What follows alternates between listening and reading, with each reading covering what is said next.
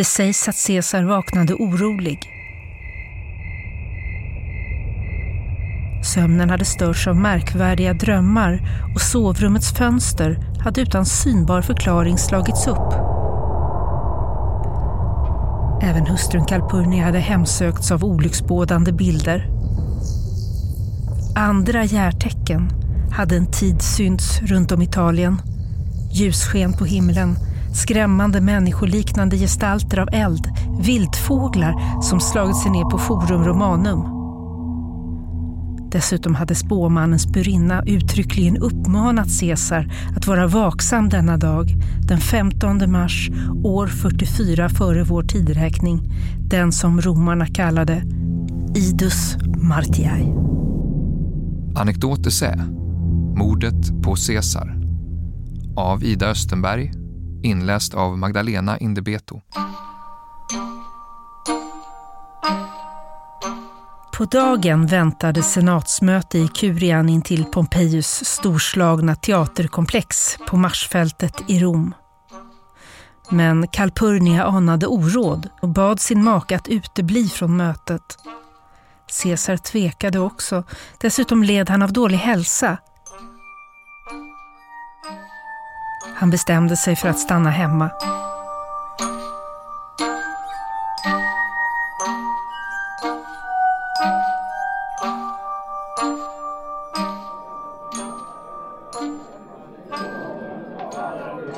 I senaten har de sammansvurna redan samlats.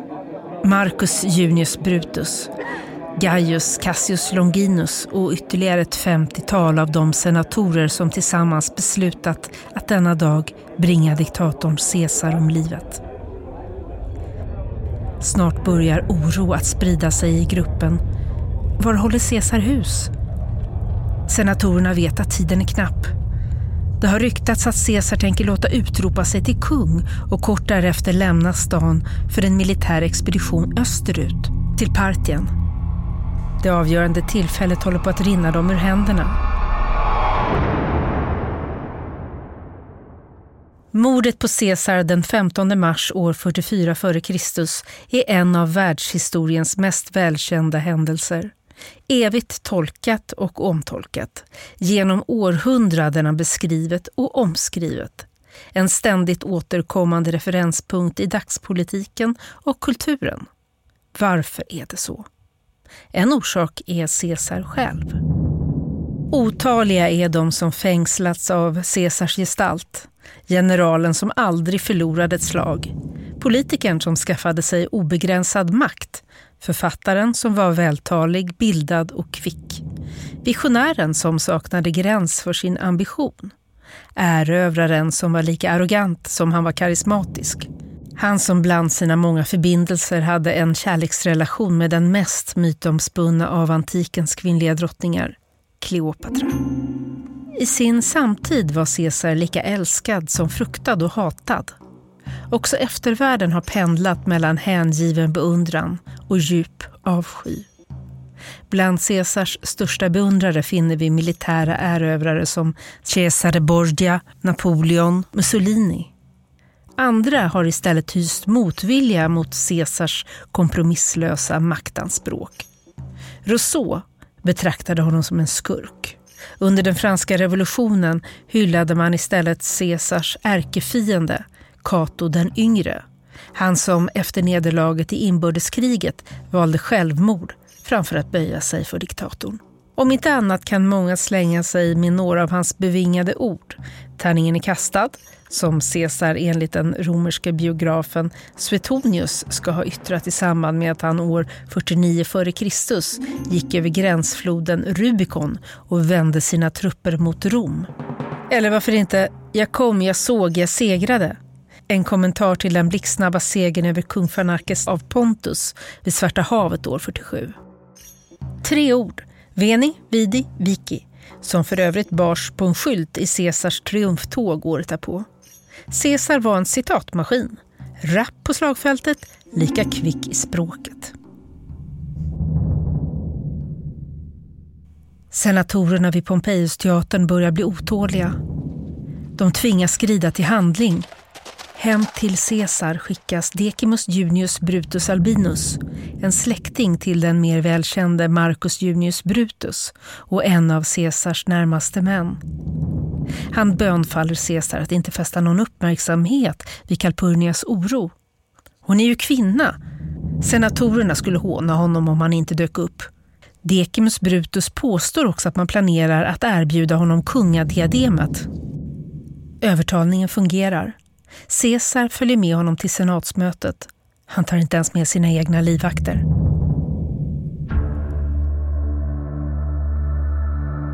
Vilka motiv hade de sammansvurna för att mörda Caesar? Den vanligaste förklaringen är enkel. Caesar hade skaffat sig för mycket makt. Mördarnas drivkraft var moraliskt och politiskt grundad och de ville rädda den romerska republiken genom att undanröja en envåldshärskare, en tyrann. Inte för att jag älskade Caesar mindre, utan för att jag älskade Rom högre, som Shakespeare låter Marcus Junius Brutus säga i sitt drama. Och ja, Caesars hänsynslösa maktansamling var ett faktum. Inbördeskriget som följde Rubikonövergången ledde till ett flertal blodiga slag med romerska motståndare. Caesar besegrade dem en efter en. Först Pompejus och hans anhängare vid Farsalos i Grekland år 48. Sen Cato den yngre och Metellus Scipio vid Tapsos i Afrika år 46. Slutligen Pompejus söner i Spanien året därpå. Efter segrarna överöste senaten honom i utmärkelser. Caesar utnämndes till diktator på livstid. Man reste tempel till hans ära. Caesar tilldelades titeln fäderneslandets fader. Republiken hade i realiteten förvandlats till en monokrati. Den här tolkningen baseras framförallt på William Shakespeares drama Julius Caesar som i sin tur har den grekiske biografiförfattaren Plutarchus som sin främsta källa. Men andra antika källor ger en mer komplex och kritisk bild av mördarnas motiv. För flera av de sammansvurna var den moraliska indignationen enbart en täckmantel, skriver den grekiske författaren Nikolaus av Damaskus. Många av konspiratörerna önskade själva ta makten. Andra var bittra över att ha förlorat inbördeskriget. Åter andra grämde sig över att Caesar även givit Pompejus anhängare ledande poster. Många hatade också Caesar för att han förlåtit dem efter inbördeskriget, berättar Nikolaus vidare. Just Caesars så kallade clementia-politik, att förlåta tidigare fiender efter att ha besegrat dem, innebar en svidande förödmjukelse för varje romersk aristokrat. Egna maktambitioner, bitterhet, avundsjuka och hat sålunda, tillsammans med en dos ädelmod och omsorg om republiken. Till saken hör att Nikolaus av Damaskus är en tidig och därmed trovärdig källa. Han beskriver mordet i en biografi över Augustus som han författade någon gång mellan år 25 och 15 f.Kr. Plutarchos skrev sina verk mer än ett sekel senare. Decimus Brutus leder Caesar i handen till senatens möteslokal. Allt fler människor sluter upp längs vägen. Romare, främlingar, slavar. Framme vid Pompejusteatern låter Caesar utföra ett antal djuroffer. Tecknen är ytterst ogynnsamma. De slaktade djuren saknar hjärta. Caesar avfärdar även dessa varsel och går in. Väl inne i senatslokalen går det fort. De sammansvurna samlas runt honom. Publius Servilius Casca hugger först. Hans dolk träffar Caesar bakifrån, i skuldran, inte djupt. Detta är ju våld! ropar Caesar och stöter sin penna i Cascas arm. Men han är chanslös. Omringad träffas han av dolkhugg över hela kroppen. Han fäktar, försöker skydda sig. Kanske är det när han ser Brutus bland de sammansvurna som han ger upp. Mån om sitt yttre in i det sista och för att hans banemän inte ska se honom dö täcker han huvudet med sin tåga. Han faller vid foten av statyn som föreställer den tidigare fienden och svärsonen, Pompejus den store. Men ett tu brute då, Även du min Brutus, det var väl Caesars sista ord? Nej, det är Shakespeares skapelse. Flera antika källor menar att han inte yttrade något ord alls. Svetonius skriver att han kanske sa kai so teknon, ord på grekiska som betyder även du mitt barn. Här anspelas på ryktet att Marcus Junius Brutus var Caesars son. En tidig frukt av den välkända förbindelsen mellan Caesar och Servilia, Brutus mor. Shakespeare plockade upp citatet och gjorde det liksom Svetonius till ett yttrande på ett främmande språk. Brute är den latinska tilltalsformen av namnet Brutus och, inte oväsentligt, engelska för odjur. The evil that men do lives after them, the good is often turtled with their bones, so let it be with Caesar. The noble Brutus hath told you Caesar was ambitious. William Shakespeares Julius Caesar från 1599 är helt central för att förstå Caesarmordets historiska status. Shakespeare såg de dramatiska bottnarna i den historiska händelsen. Han iscensatte konflikten, utforskade det moraliska dilemmat och mänskliggjorde karaktärerna. Pjäsen gjorde genast succé. Tidigare hade både Caesar och hans mördare utmålats i svart eller vitt. Dante beskrev exempelvis Brutus och Cassius som världshistoriens värsta förrädare och placerade dem i underjordens nedersta krets tillsammans med Judas Iskariot. Hos Shakespeares samtida, dramatikern Ben Jonson, var Brutus tvärtom en förebild vars dåd framställdes som ett modigt hugg mot monstrets hjärta. Mördare eller frihetshjältar? Konspiratörer eller republikens räddare? Eftervärlden dömer hur politiska handlingar beskrivs.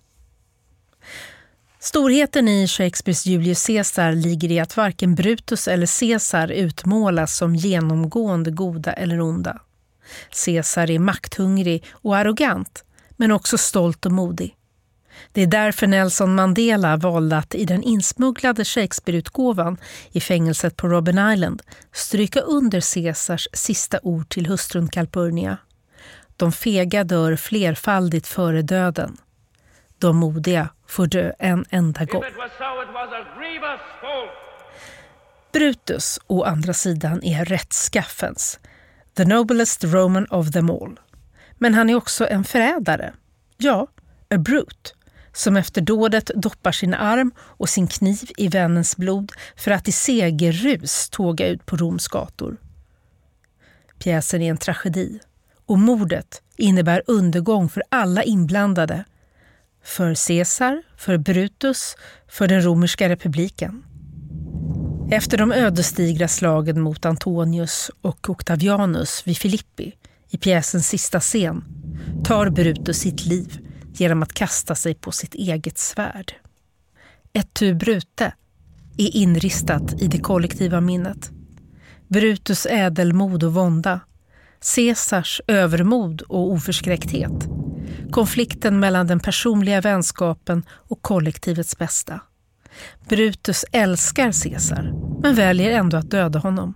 Att svika hans förtroende för ett högre syfte, republikens väl. Det är Shakespeares pjäs snarare än de antika källorna som ligger till grunden för hur de flesta idag uppfattar det historiska mordet. Shakespeare byggde sitt drama på Plutarkos biografier över framstående män i antiken, samlade i verket Parallella liv. De skrevs omkring år 100 och översattes för en europeisk publik i slutet av 1500-talet. Översättningarna fick ett enormt genomslag under 1600 och 1700-talen och blev grundläggande läsning för såväl Benjamin Franklin som Frankensteins monster. Plutarkos biografier om Caesar, Brutus och Marcus Antonius är dramatiska levnadsskildringar som fokuserar på karaktärsdrag och moral. Hans Caesar är en stor man, makthungrig men även frikostig och modig. Hans Brutus, konspirationens förnuftige, filosofisk lärde och principfaste ledare, respekterad också av sina fiender. Brutus är allvarlig och hederlig och drivs av ett nobelt motiv. att störta det frihetskväsande tyrannväldet. Plutarkos biografier passade Shakespeare perfekt. Men hur trovärdig är Plutarkos Brutusbild? Inte särskilt. Faktum är att Plutarkos intresse för moralisk konflikt och för det teatraliska tecknar en Brutus gestalt som äldre källor delvis motsäger. Återigen är det särskilt intressant att läsa vad Nikolaus av Damaskus skrev endast ett par decennier efter mordet, mer än ett sekel före Plutarkos biografier. Hos Nikolaus är Brutus en av flera ledande konspiratörer. Cassius blir i efterberättelsen den hetlevrade uppeldaren. Brutus den kluvne, eftertänksamme, ofrivillige ledaren. Det är en roll som relativt otvunget kunde skulpteras fram ur Brutus bakgrund. Brutus var uppenbart högt respekterad i Rom, av både vänner och motståndare. Han var en utmärkt talare, en bildad intellektuell som skrev böcker om tålamodet, plikterna och dygden. Han levde inte alltid som han lärde och han ska under sin tidiga karriär till Ciceros besvikelse ha pressat klienter i imperiet på ockerräntor. Men han uppfattades som hederlig, seriös och principfast. Kanske var han till och med tråkig. Brutus filosofiska bakgrund var viktig för konspirationens legitimitet, liksom hans familjehistoria.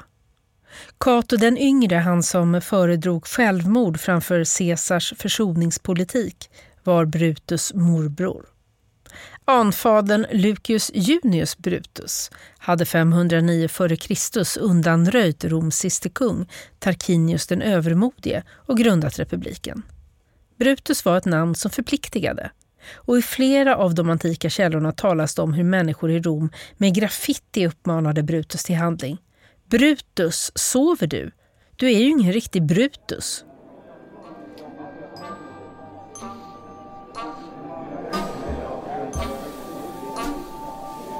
Dådet är utfört. Caesar ligger livlös på golvet vid Pompejus staty. Senatorerna lämnar mötet. Några i triumf, andra skrämda, några rådvilla. Den blodiga kroppen ligger kvar. Till slut skickas tre slavar för att hämta den döde. De bär hem honom till Calpurnia i ett vingligt, ovärdigt återtåg. Båren kräver egentligen fyra bärare, så den kränger.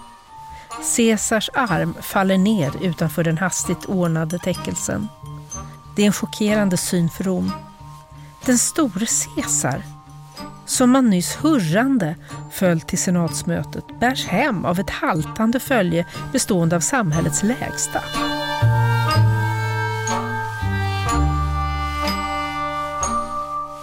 Hade det kunnat gå annorlunda? Allt pekar på att Rom under en längre tid varit på väg mot ett monarkiskt styre. Det är inte troligt att de sammansvurna förmått att återupprätta republiken ens om det varit deras syfte. Inte heller lyckades de vinna makt för egen del. Ett par år efter mordet var de alla döda. Kampen kom istället att stå mellan Antonius, Caesars närmaste man, och Octavianus, hans adopterade son. Konspiratörerna tycks inte haft någon uttänkt plan ens för hur de skulle hantera situationen efter att de stuckit ner Caesar. Man verkar ha föreställt sig att hela Rom skulle jubla över att tyrannen var borta och hylla de sammansvurna. Så blev det inte. På Caesarsidan fanns Lepidus med en större armé placerad i Rom. Brutus Cassius Decimus Brutus och de andra tvingades dra sig tillbaka i skydd på Kapitolium. Lepidus höll tal för att övertyga romarna att driva ut mördarna. Brutus försvarade sig genom att säga att de dödat en tyrann och skulle återupprätta republiken. Drivande på Caesars sidan var Antonius, efter mordet ensam konsul. Ursprungligen hade det funnits planer på att döda också honom. Med tanke på hur situationen efter den 15 mars utvecklade sig hade det möjligen varit ett strategiskt riktigt val. Det var Antonius som under ett avgörande senatsmöte den 17 mars drev igenom en kompromiss. Mördarna gavs amnesti samtidigt som Caesars beslut skulle äga fortsatt laga kraft. Det var också Antonius som såg till att Caesars testamente skulle gälla och läsas upp för romarna. Och det var Antonius som tvingade fram en offentlig begravning av Caesars kropp. För Caesarmördarna var överenskommelsen ödesdiger. Begravningen kom att spela en helt avgörande roll för att vända opinionen mot konspiratörerna under de spänningstäta dagarna efter Idus Martiai, då läget i Rom stod och vägde och ingen visste vem som skulle gå segrande ur maktstriden. Vår mest detaljerade källa till begravningen är Appianus, som anses bygga på en beskrivning från Caesars samtid. Begravningen sker inför ett fullsatt forum. Redan då testamentet läses upp upprörs folkets känslor. Det visar sig att Caesar skänkt sina trädgårdar och en större summa pengar till romarna i stan. Hade Cassius och Brutus i själva verket berövat romarna en välgörare? Antonius börjar läsa upp de lojalitetseder som senatorerna tidigare svurit Caesar. Med upprepade gester mot den döda kroppen betonar han med allvarlig stämma hur Caesar deklarerats fäderneslandets okränkbara räddare och fader. Detta är en känslig punkt. Flertalet av konspiratörerna har Caesar att tacka för sina positioner, ja, för sina liv. Många hade stött Pompejus i det tidigare inbördeskriget och stridit emot Caesar under slaget vid Pharsalos. Som tack för att de benådats hade de svurit en ed att beskydda Caesar med sina liv. De hade utropat Caesar till parens patriai, fäderneslandets fader. Nu visar Antonius att de svikit sina löften och begått det värsta av alla romerska brott, ett fadersmord. And grievously hath Caesar answered it. Here under leave of Brutus and the rest, for Brutus is an honorable man. So are they all, all honorable men. Come I to speak in Caesar's funeral. He was my friend, faithful and just to me. Antonius fortsätter. Han pekar upp mot Kapitolium och åberopar Jupiter, tar upp hymner och klagosånger och redogör för Caesars alla bedrifter, krigen och segrarna. Aldrig har han förlorat en strid, säger Antonius. Så höjer han rösten och börjar tala liksom i trans. Samtidigt lyfter han upp Caesars blodiga mantel och blottar hans knivstuckna kropp. Åskådarna berörs allt häftigare och börjar delta i klagosången. Då ekar en annan röst. Den döde Caesar tycks själv tala. Han nämner namnen på dem han gynnat och på sina mördare och utropar en fras från ett välkänt romerskt skådespel. Åh, att jag skonade dessa män för att de skulle förgöra mig. I detta läge när känslorna i folkhavet nästan exploderar lyfts en väldig vaxdocka upp. En imitation av Caesars mördade kropp. Det är en bild som de romerska åskådarna inte kan värja sig mot. Man ser tydligt de 23 hugg som träffat Caesar över hela hans kropp och hans ansikte. Dockan snurras runt och visar knivhuggen mot hans rygg. Det är ett iögonfallande vittnesbörd om det fega bakhåll Caesar drabbats av. Utfört av dem han skonat och litat på och som inte gett honom minsta chans att försvara sig. Dockan, kroppen, såren, den blodiga manteln och Antonius röst blir för mycket för publiken. De samlar ihop ett provisoriskt likbål och bränner Caesars kropp på platsen. Omedelbart efteråt tar de facklorna från bålet och attackerar de sammansvurna. Upploppet är ett faktum. Caesarmördarna tvingas fly staden. I Antonius regi blev Caesars begravning en mästerlig retorisk uppvisning som till slut övertygade Rom om konspiratörernas brott. Atticus, Ciceros vän, hade anat detta och varnat Brutus och Cassius för att gå med på en offentlig begravning. Shakespeare förstod det också. Antonius tal i Julius Caesar, Friends, Romans, Countrymen, hör till världslitteraturens retoriska höjdpunkter. Ambition should be made of sterner stuff. Yet Brutus says he was ambitious. And Brutus is an honorable man. Genom talet återskapas och förstärks bilden av det teatralas övertalande kraft. De sammansvurna förvandlas framför publikens ögon från rättskaffens män till svekfulla mördare. Mordet blir inte mindre dramatiskt sett i ett längre tidsperspektiv. Sedan 500-talet före Kristus hade Rom styrts som en republik. En aristokrati byggd på idén om en meritokratisk maktdelningsprincip. Alternerande ämbetsperioder och uttalad avsky för kungamakten. Under hundratalet före Kristus kom detta politiska system allt mer i otakt med det ständigt växande imperiet. Stora män som Marius, Sulla, Pompejus och härefter Caesar erövrade väldiga områden. De skaffade sig ett allt större personligt stöd av soldater och klienter och satt under långa tider på särskilt utformade maktmandat. Konflikterna mellan falangerna inom senaten ökade. Samtidigt eskalerade våldet i Rom. Systemet imploderade.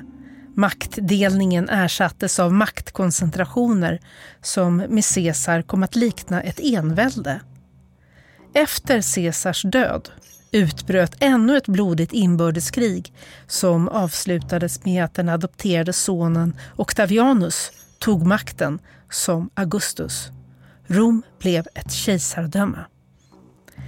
Detta är ytterligare en anledning till att Caesarmordet ofta nämns som en av världshistoriens viktigaste händelser.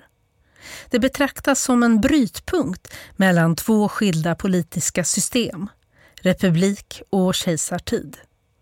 Övergången var visserligen historiskt mer utdragen men som dramatisk sinnebild för republikens undergång är händelserna vid Idus Martiai oöverträffade. En individ attackeras och ett helt samhällssystem går under. Det går inte att komma ifrån. Mordet på Julius Caesar är ett drama på en mängd olika sätt. Men verkligheten var smutsigare, rörigare och blodigare än alla iscensättningar. Det var en rå maktstrid där Caesars arrogans och konspiratörernas misslyckande utmynnade i ett förödande inbördeskrig och slutligt envälde. En och annan drev säkert av omsorg om republiken men den romerska senrepubliken är en studie i snabbt växlande lojaliteter och utrensningar. Ciceros avhuggna huvud är bara ett av många som sattes upp till beskådan på Forum under Octavianus, Antonius och Lepidus andra triumvirat som följde på Caesarmordet. Innan Caesars adoptivson Octavianus blev Augustus, fredens landsfader, deltog han med iver i ett politiskt listigt och grymt spel där motståndarna en efter en offrades på maktens altare. Diktatorn var död, länge leve kejsaren. Moraliska överväganden i all ära, men störst av allt är makten.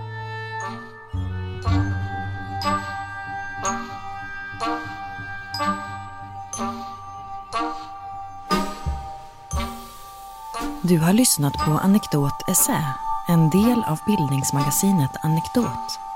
Ljudproducent Lars Indebeto. Musik Oskar Schönning. Redaktör Magnus Bremmer. Fler essäer, poddar och filmer hittar du på anekdot.se.